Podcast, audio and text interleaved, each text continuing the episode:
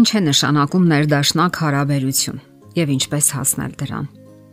Թերևս դրան է ձգտում յուրաքանչյուր ամուսնական զույգ, որը շահագրգռված է պահպանելու այդ հարաբերությունները ողջ կյանքի ընթացքում։ Իսկ դրա համար հարկավոր է հետևել այն սկզբունքներին, որոնք տանում են փոխադարձ սիրո, հարգանքի եւ դիմացինին լիակատար ընդունելուն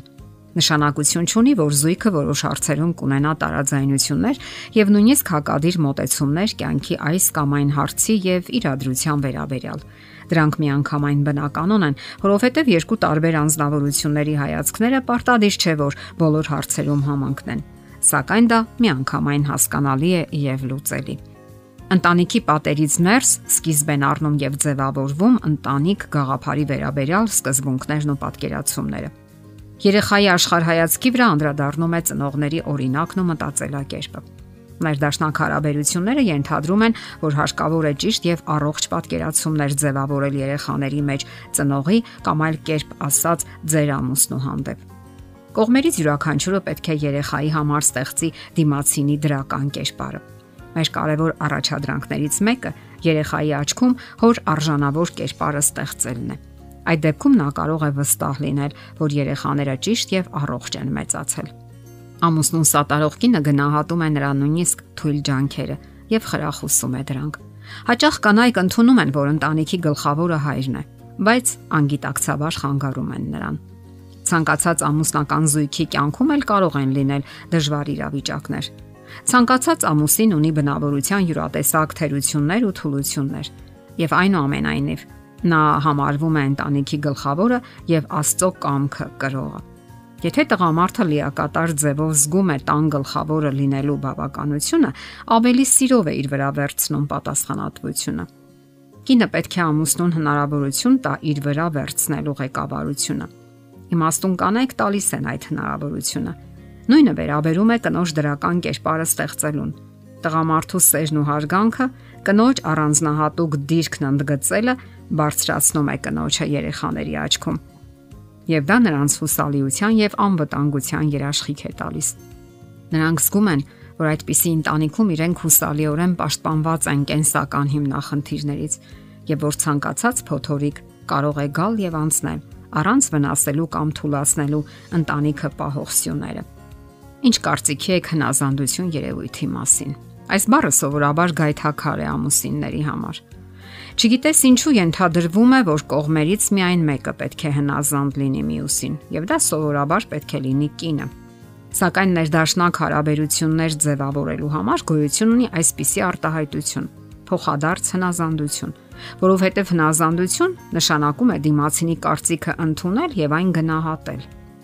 Նպատակը այնպիսի հարաբերություն ստեղծելն է, որի հիմքում ընկած է ուրախությունը։ Այս դեպքում կանայք ոչ թե լարվածություն են զգում, այլ խոր բավարարվածություն այն ներդաշնակությունից, որ տալիս է ճիշտ եւ փոխադարձ հնազանդությունը։ Եվ սա ճշմարտապես լուրջ արվեստ է, հոգեվոր ստեղծագործություն, որին պետք է ձգտի յուրաքանչյուր ամուսնական զույգ,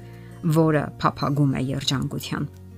Այս դեպքում ամուսնությունը ուրախություն է պատճառում երկու կողմին Այսպիսի ընտանիքում մեծացած երեխաները կսովորեն փոխադարձ հարգանքի ու գնահատանքի ճշմարիտ արվեստը, առանց որի կխարխլվեն տան, դպրոցի, եկեղեցու հասարակության հիմքերն ընդհանրապես։ Եվ ճշմարտապես ընտանիքն է հասարակության հիմնական միավորը, եւ այդ հասարակությունը անվտանգ է միայն այն դեպքում, եթե այդ ընտանիքում ներդաշնակ ու փոխադարձ հնազանդություն է թակավորում։ Հայտնագործություն արած չենք լինի, եթե ասենք, որ անհավատարմությունը խարխլում է ընտանեկան հիմնասյուները։ Միայն ֆիզիկական դավաճանությունը չէ, որ այսօր խաթարում է ամուսնական հարաբերությունները։ Գոյություն ունի նաև հոգեկան դավաճանություն, որը դրսևորվում է ամենաբազմազան ձևերով եւ նուրբ խափեություններով։ Հարաբերությունների կորուստը եւ ոչ անկեղծությունը եւս դավաճանության նուրբ տեսակներ են։ Մտածեք այդ մասին։ Երբեք էլ անկարևոր չէ, ինչից ենք մենք զրկում կամ զրկվում ամուսնական հարաբերությունների ընթացքում։ Սա եւս դավաճանություն է։ Ամենասիրելի մարդուն զրկել մեր ունեցած լավագույն բաներից մեր ժամանակից, ուշադրությունից, քնքշանքից, վերաբերմունքից, գեղեցիկ հույզերից, այլ կերպ ասած, մեզնից։ եւ ամուսնությունից ստանում եք այնքան երջանկություն, որքան ներդնում եք այնտեղ։ Դուք չեք կարող սпасել, որ ձեր կինը կսիրի ձեզ, եթե ապրում է ģերկակի կյանքով։ Դա ոչ մեկին չի կարող երջանկություն ապարգևել։ Նույնիսկ ընդհակառակը դուր է բացում դժբախտությունների առաջ։ Առողջ հարաբերություններ կառուցելու համար կարևոր է, որ մենք ոչ միայն կարողանանք հստակեցնել, բարձրաձայնել մեր կարիքները, այլև սովորենք լսել, ընդունել, հարգանքով վերաբերվել այլ մարդկանց կարիքներին եւս։ Իսկ երազանքները անկարևոր չեն։ Երազեք միասին։ Սա եւս երկխոսություն է։ Երազեք այն բաների մասին, ինչն իսկապես հուզում է ձեզ։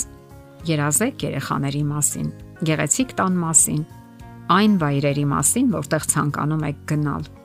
ներդաշնակ հարաբերությունները ենթադրում են նաև համատեղ երազանքներ երբ դուք ոչ միայն երազում եք, այլև քայլում եք միասին իրար ձեռք բռնած։ Երազեք հավերժական կյանքի մասին։ Միգուցե դուք ցանկանում եք միասին գնալ հավերժական կյանք։ Մտածեք ինչպես հասնել դրան։ Նաև այդպես այն կերտում երջանկությունը։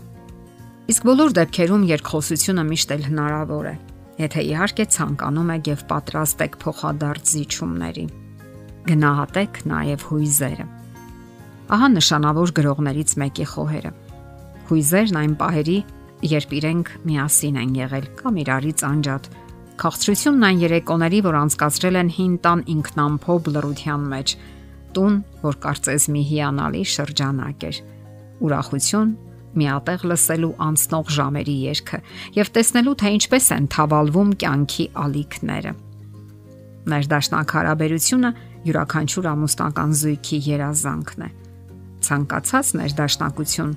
երկարատև ու համառ ջանքերի արդյունք է։ Եթերում ընտանիք հաղորդաշարներ։ Ձեզ հետ է Գեղեցիկ Մարտիրոսյանը։ Հարցերի եւ առաջարկությունների համար զանգահարել 033 87 87 87 հեռախոսահամարով։